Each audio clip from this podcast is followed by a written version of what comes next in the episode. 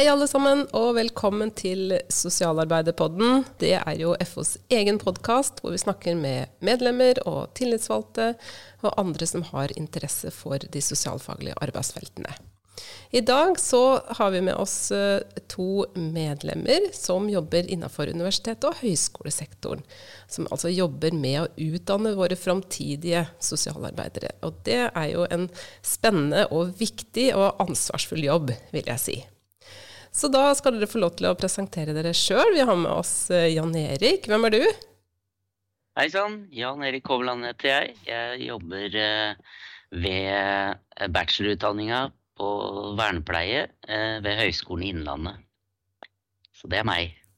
Og så er det Kjersti. Hei.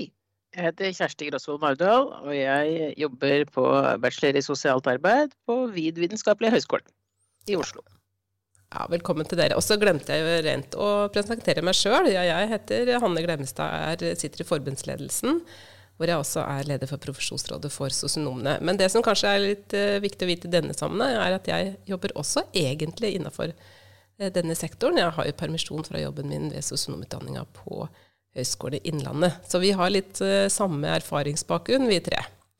Så det gleder jeg meg til å gå litt sånn inn i hva er det egentlig å jobbe ved en, eh, en høyskole eller universitet.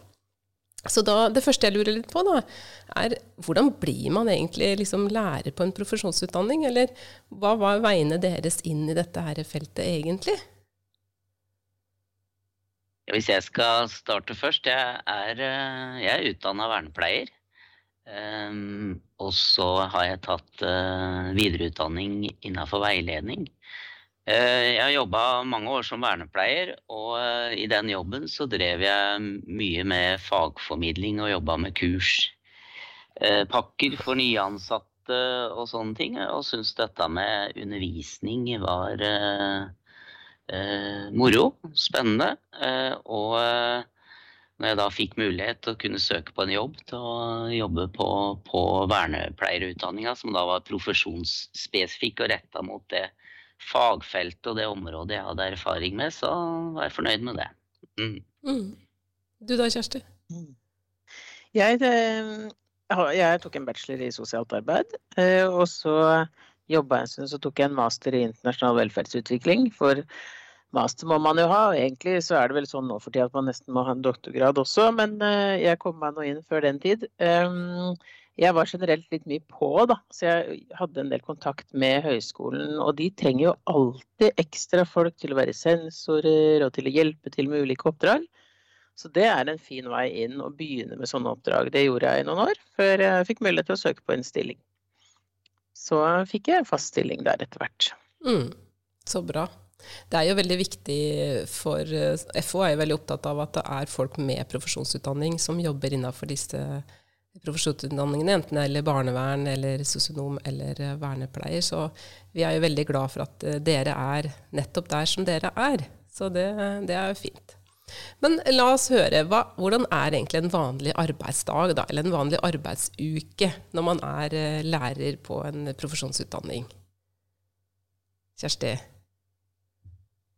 Ja, det som er så fint med den, er at det er egentlig ikke noe som heter vanlig arbeidsuke, for det er jo så utrolig mye forskjellig. Så sånn, denne uka her så er, eh, denne uka her så sitter jeg med muntlig eksamen hele uka. Eh, og sitter og hører på studenter eh, formidle alt de har lært det halvåret her. Det er veldig, veldig fint på sin måte, men noen ganger så kan det handle bare om planlegging. Vi forbereder Eh, de neste semestrene og emne og pensum og alt de skal være gjennom. Mens andre uker så går det masse undervisning. Så det er veldig variert. Eh, og innimellom så prøver vi også å få tid til litt forskning. Mm. Og utvikling. Eh, så, så, det hender jo også at vi er ute og har intervjuer og, og, og jobber med å skrive artikler og sånne type ting. Det skal sies at det blir en del helgearbeid akkurat på det der. Men, eh, men, eh, det er vel det som er det fineste da, med denne jobben her, det er at det rett og slett ikke finnes en vanlig uke. Det er så mye ulikt vi holder på med. Så det betyr at man må være ganske fleksibel, da? Like å ha det sånn? Ja, det vil jeg si. Ja, man må like å ha det sånn, og jeg syns jo det er det beste. At, man, at det er, ingen uker er like, og at det er fleksibilitet i tid og når man gjør hva. Og det er jo litt sånn at så lenge man gjør jobben sin, så er det ingen som er så veldig opptatt av akkurat hvordan du gjør den, eller når du gjør den, eller bare du gjør den på en bra måte. Mm. Åssen er uka di da, Jan Erik? Ja, det, det, er jo litt som eh, Kjersti sier, det, det her med å være fleksibel og eh, eh, Ja, det er en, eh, en arbeidsuke er, er, ikke lik hver gang, som det blir sagt. Og, og, og en gjør forskjellige ting. Og, og, man har jo veldig forskjellige roller som man skal ta. Og jeg sitter jo nå i en 50% stilling som studieprogramansvarlig, hvor jeg som har ansvaret for den faglige driften og ledelsen av studiet. Så det, det opptar jo en eh, del av min tid. Eh, og det er hele tida oppgaver knytta til den rollen. Ellers er det jo Jeg har akkurat tatt imot studenter som har vært ute i en lengre praksisperiode. Så liksom jobba nå da med, med, bearbeiding av praksiserfaringer der. Og nå fram mot jul så går det jo da å lese arbeidskrav knytta til, til, det. Så mye forskjellig der. Og ja, det er veldig periodevis dette med sensurering. Og så er det veiledning, og det er praksisoppfølging. Eh, og så er det jo en del møtevirksomhet da, i eh, organisasjonsstrukturen. Mm. Ehm, ja. Man kommer ikke unna møtene i universitet- og høyskolesektoren heller. Men gjør ikke det, altså. Vi må snakke sammen, vet du. Sånn er det bare. Men uh, bare følge opp noe av det du sa, Jan Erik, i forhold til dette med praksis. Kan du ikke fortelle litt hvordan, hvordan det foregår? Ja, uh, Praksis det er jo en uh, viktig del i profesjonsstudiene. Det har det alltid vært. Og jeg er jo tilknytta vernepleiestudiet. Og der har det også vært enda litt større krav i forhold til mengde praksisstudier studentene skal ha gjennom studieforløpet. Uh, vi jobber med praksis på ulike måter. Det som er viktig her, er jo eh, også det å tenke det her, eh, Hva er det praksisfeltet trenger? Hva slags fagpersoner er det praksisfeltet trenger eh, når de er ferdigutdanna sosialarbeidere? Eh, eh, og det Derfor er praksisstudier viktig. Vi driver og prøver ut litt ulike praksismodeller nå. Eh, Eh, for å ha både et tettere samarbeid og en tettere sammenheng mellom det som, eh, som undervises eh, og læres på inne på skolen, som vi sier, da, og, det som da læres ute i praksis. Så vi, vi har starta nå en, det vi kaller en 2-2-1-modell, hvor de er Gjennom et helt studieår så er de to dager ute i praksis, og så er de to dager inne på, på høyskolen. Ehm, så da jobber man tett i forhold til de praksiserfaringene de får underveis, og knytter det til ulike faglige tema. Mm. Veldig så, spennende modell. altså. så det er altså. veldig spennende. Mm. Ja. Det er jo en, en, riktig måte å jobbe på i forhold til det. Kanskje det som er vanskeligst, spesielt for unge studenter, det er jo å knytte den teorien de lærer på skolen, til den praksishverdagen som er der. Og det å jobbe med å, å kombinere og få de den teorien de lærer til å være aktuelt for praksis, og hvordan den kan anvendes, og kunne jobbe godt med det, det er jo noe av det viktigste vi gjør. For hvis de klarer å få de til å forstå hvordan man anvender den teorien på den ene praksiserfaringen man har, så vil de også mye lettere kunne klare å anvende den på ulike praksiserfaringer seinere. Eh, og det blir en helt annen form for integrert kunnskap. Så det mm. er en veldig, en veldig morsom ting å jobbe med, eh, men også litt krevende. Men samtidig så vet jeg jo av erfaring at uh, av og til så er det vanskelig å finne tilstrekkelig antall praksisplasser. Det er vanskelig å få folk til å ta på seg å være praksisveiledere. Eh, det skal være kvalitet i praksisen. Nå sitter det sikkert folk og hører på oss som jobber ute i feltet, altså som jobber på en, en barnevernstjeneste eller en Nav-kontor eller en, en, bolig for utviklingshemmede. Hva vil dere si til dem? Har dere noen liksom appell i forhold til det å ta imot studenter. Hva, what's in it for me, liksom? Hvorfor skal man ha studenter i praksis, egentlig? Ja, det kan man jo si. Eh, det er jo sånn at eh, for å ha studenter fra BSV-utdanningene, så får man jo lite kroner i kassa, for å si det sånn. Det er ingen eh, det er ikke noe å hente der sånn økonomisk. Det er det jo for, for noen andre utdanninger sånn sett, da. Men jeg, jeg, tenker jo det uh, Rekrutteringsbiten er jo en del av det. Å tenke ønsker du å fram, få nye framtidige kollegaer, så er jo det å uh, da ha studenter på praksissted veldig viktig. Uh, når jeg var ute og snakka med studenter som var ute nå, så var det flere som også ja, de trivdes så godt på praksisplassen, så de ordna seg sånn Eh, helgestillinger og vikarstillinger nå. Og med tanke på rekruttering, da, så, så er jo det et uh, viktig moment uh, i det. Og så er det jo nyttig det her med å få prøvd skal man si, praksisen sin litt. At man får, får studenter som graver og spør om, om den praksisen man har. Da, og det, det man utøver av, av, av faglig eh, bistand eh, ute i, i praksisfeltet. Blir, eh, får litt kritisk innspill på det. Mm. Mm. det har jeg hørt mange som har sagt, at de kanskje syntes det var litt skummelt å si ja, for de visste ikke helt om de eh, var gode nok veiledere. De hadde kanskje ikke holdt på med veiledning før, syntes det var skummelt. Eller noen mente at de hadde ikke tid til, men har kasta seg ut i det likevel og som har sagt at de får så utrolig mye igjen eh, for det, nettopp fordi de må drive en del med kritisk refleksjon, og de må ha et kritisk blikk på seg selv.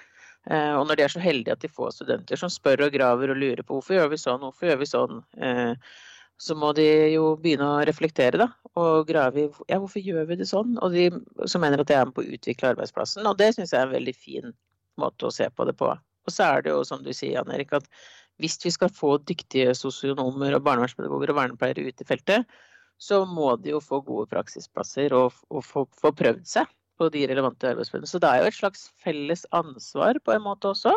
Og så prøver vi å tilby litt, sånn som vi tilbyr da, veiledningskurs f.eks. For, for, for eh, de som skal veilede, man mm. ønsker det.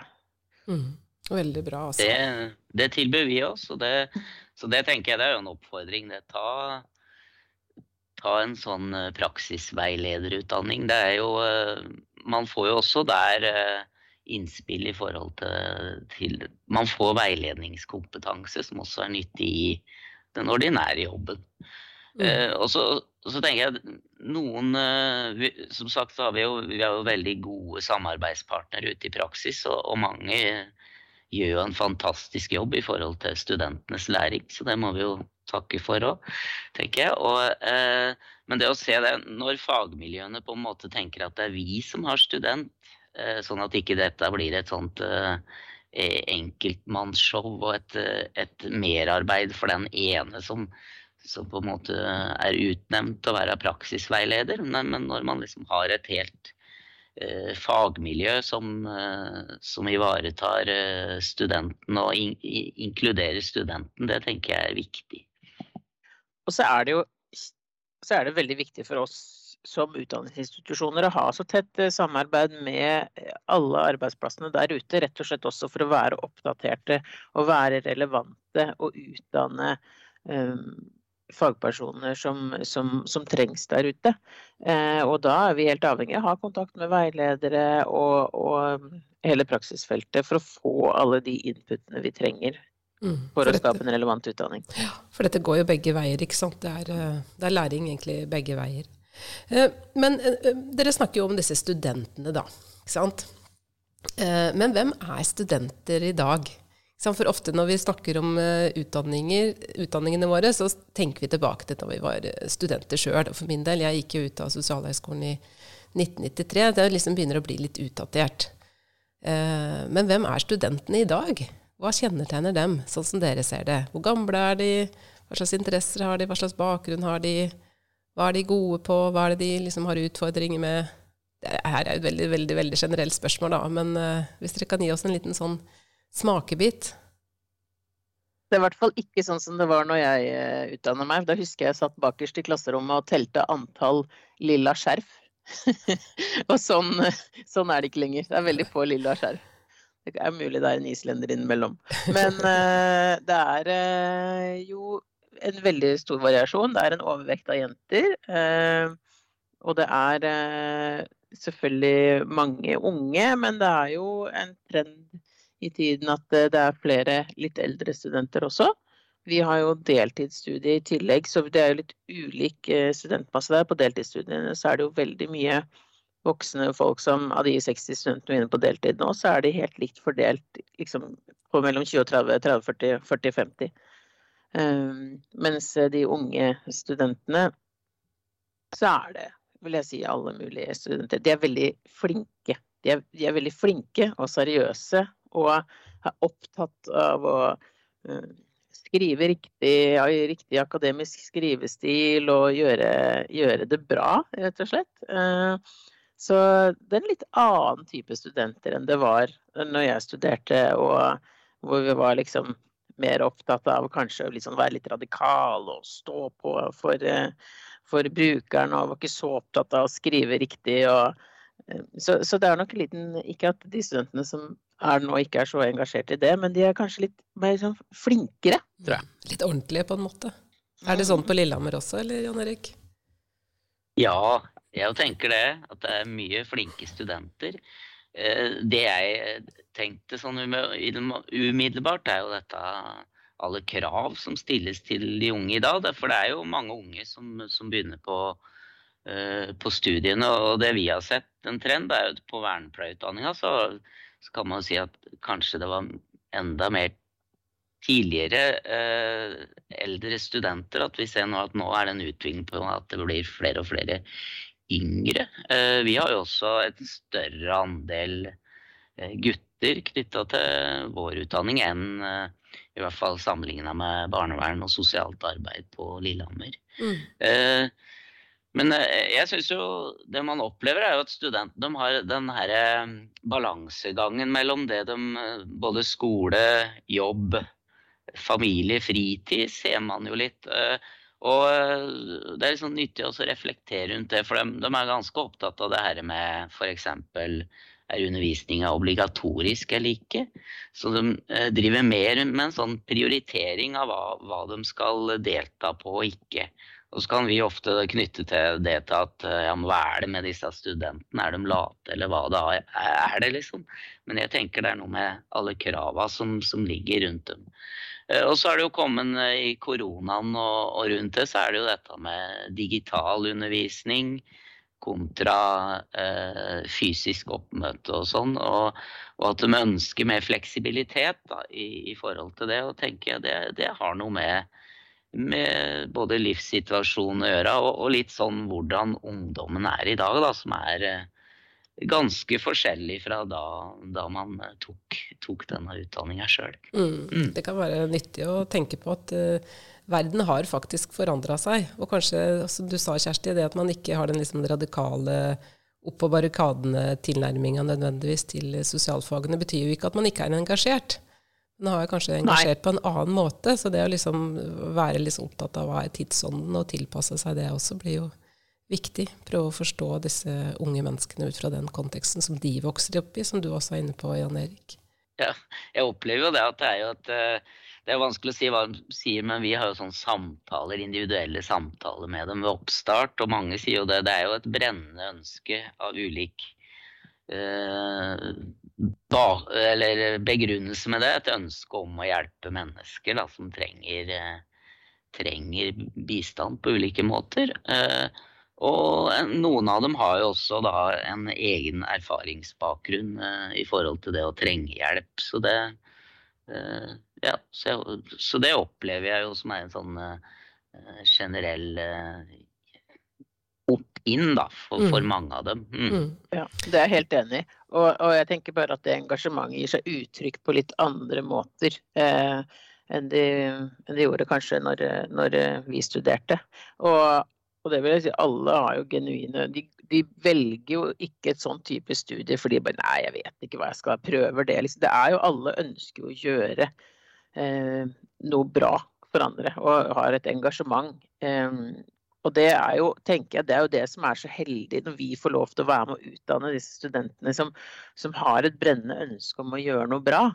Og det er jo en veldig jeg tenker ofte at det er en veldig privilegert posisjon å ha. Da. Og det betyr jo ikke at det alltid er gøy og, at det er bare en dansprose, men, men det har noe med å få være i kontakt med det engasjementet hos studentene og få veilede de, og få Det morsomste er jo å ha grupper, drive med refleksjon og diskusjon og um, ferdighetstrening og få være tett på studentene. Det er jo det aller gøyeste som er.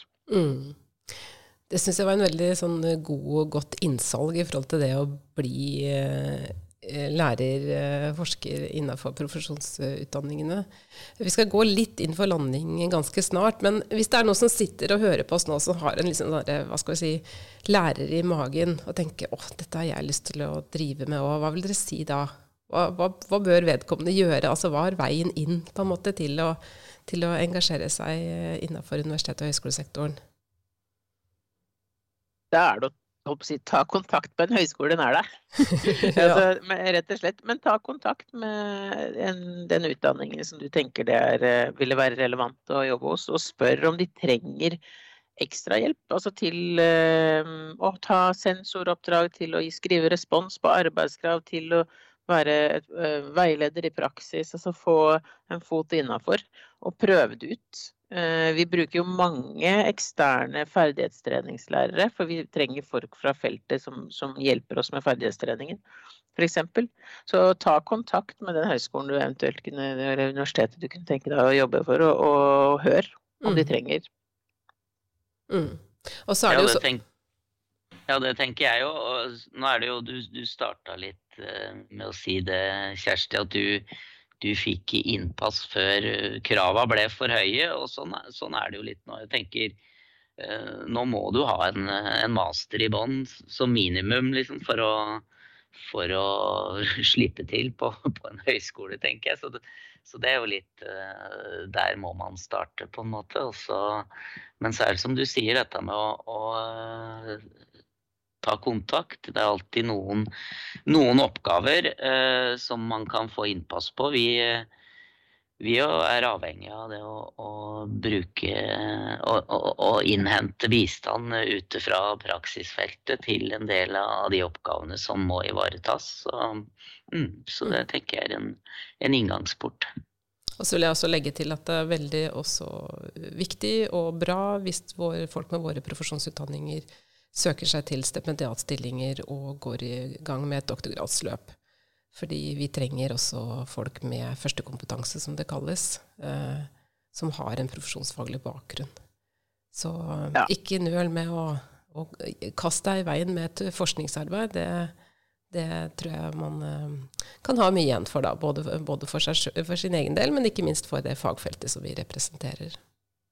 Og det er viktig også å si det at eh, det er sikkert mange som syns det høres veldig skummelt ut å ta en doktorgrad. Det, det, har jeg også tenkt at det høres kjempeskummelt ut. Men, men, det er ikke sånn at man må være akademiker og være veldig god på å skrive og forske og kunne dette fra før, for det er en forskerutdanning. Eh, sånn at eh, det er faktisk går an å kaste seg ut i, og så lærer man underveis. Og det, det, trenger vi folk som ikke bare hører til akademia, som eh, går inn og tar disse utdanningene. Mm. Så bra. Og så sånn helt, eh, helt, til slutt så må jeg spørre dere. Dere er jo FO-medlemmer, begge to. Hvorfor er dere det? Hva, hva, hvorfor er det viktig å ha et medlemskap i FO når man er lærer på en profesjonsutdanning? Jeg, eh, jeg, jeg har vært FO-medlem siden jeg ble ferdig vernepleier i 1998. Og vært medlem siden da. Og det var viktig for meg å ta det medlemskapet også inn i, i denne stillingen. Og, og, og det, jeg syns jo FO ivaretar den herre profesjonsidentiteten til BSV på en veldig god måte, med høyt faglig fokus. Eh, står masse gode artikler i både Fontene og Fontene forskning, som jeg jo bruker mye av i undervisning og, og, sånn. Så jeg tenker det er ikke bare opptatt av eh, lønnspolitiske spørsmål, men det er den eh, faglige fokuset og, og den sterke profesjonsidentiteten som, eh, som, har vært viktig for min del. Mm. mm. Ja, jeg er helt enig. Og for oss er det også veldig viktig å klare formidle den profesjonsidentiteten til studentene. For meg har det vært det eneste naturlige å være en del av FO. Det er jo, det er vår, det er vår, klubb. Det eneste som er vår klubb sånn, for bare oss i BSV. Og, og det har hjulpet meg mye. Jeg tenker på profesjonsrådene. og det, det, har hjulpet meg mye å liksom sette ord på hva er det akkurat det dreier seg om. Hvorfor er vi viktige? Og det har vært så viktig for meg som formidler videre til studentene. Å ha liksom FO i ryggen eh, og få videreformidla den profesjonsidentiteten videre til studentene. Mm. Veldig bra. Og jeg vil også på vegne av FO takke dere for den jobben dere gjør ute i utdanningene. Det er veldig verdifullt for oss å ha folk med profesjonsbakgrunn som jobber, underviser og forsker både innenfor barnevern, sosialt arbeid og vernepleie. Jeg tror det er med å løfte feltet og skape den der felles eh, stolthet og yrkesidentiteten som du snakker om, Jan Erik. Så tusen takk til dere for det.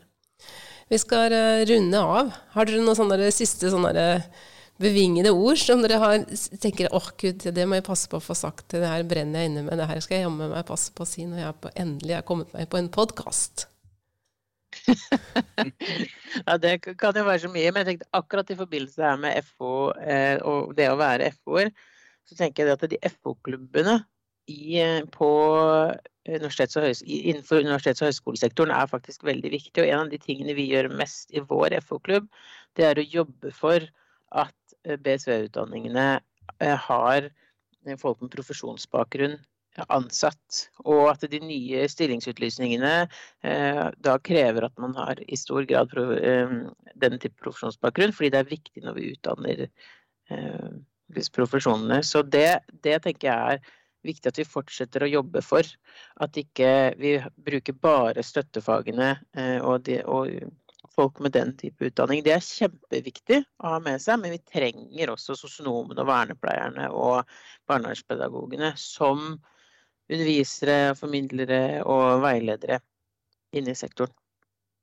Ja, det tenker jeg jo. Jeg noterte meg når eh, jeg skulle planlegge dette litt, det her med eh, akademisering av profesjonsutdanningene som en utfordring. Og jeg tenker det at FO som bidragsyter der inn eh, for å på, påvirke det, både eh, sentralt, men lokalt, og som du sier, Kjersti, gjennom eh, de lokale klubba. Eh, men det er viktig, for vi trenger, trenger folk, med profesjonsbakgrunn. Og eh, også kanskje heller ikke, selv om ja, god oppfordring, det, opp, det å søke ph.d. og begynne på det. Men, men at vi, vi, trenger eh, også folk på andre nivåer og som kan inn og, inn og bidra. Og det må ikke de akademiske miljøene lokke for, tenker jeg på profesjonsutdanningen. Mm. Nei, det er bra. Ja, men Supert. Tusen, tusen, takk til dere, og lykke til med det dere står midt oppi, enten det er praksis eller sensurering og eksamener og planlegging av nye studentkull. Um, tusen takk til dere som har hørt på oss. Dere finner Sosialarbeiderpodden på Spotify eller andre eh, sosiale medier-kanaler hvor dere vanligvis hører på podkaster. Følg oss gjerne, så er du sikker på at du blir holdt løpende oppdatert når det kommer nye episoder. Ha det bra, alle sammen.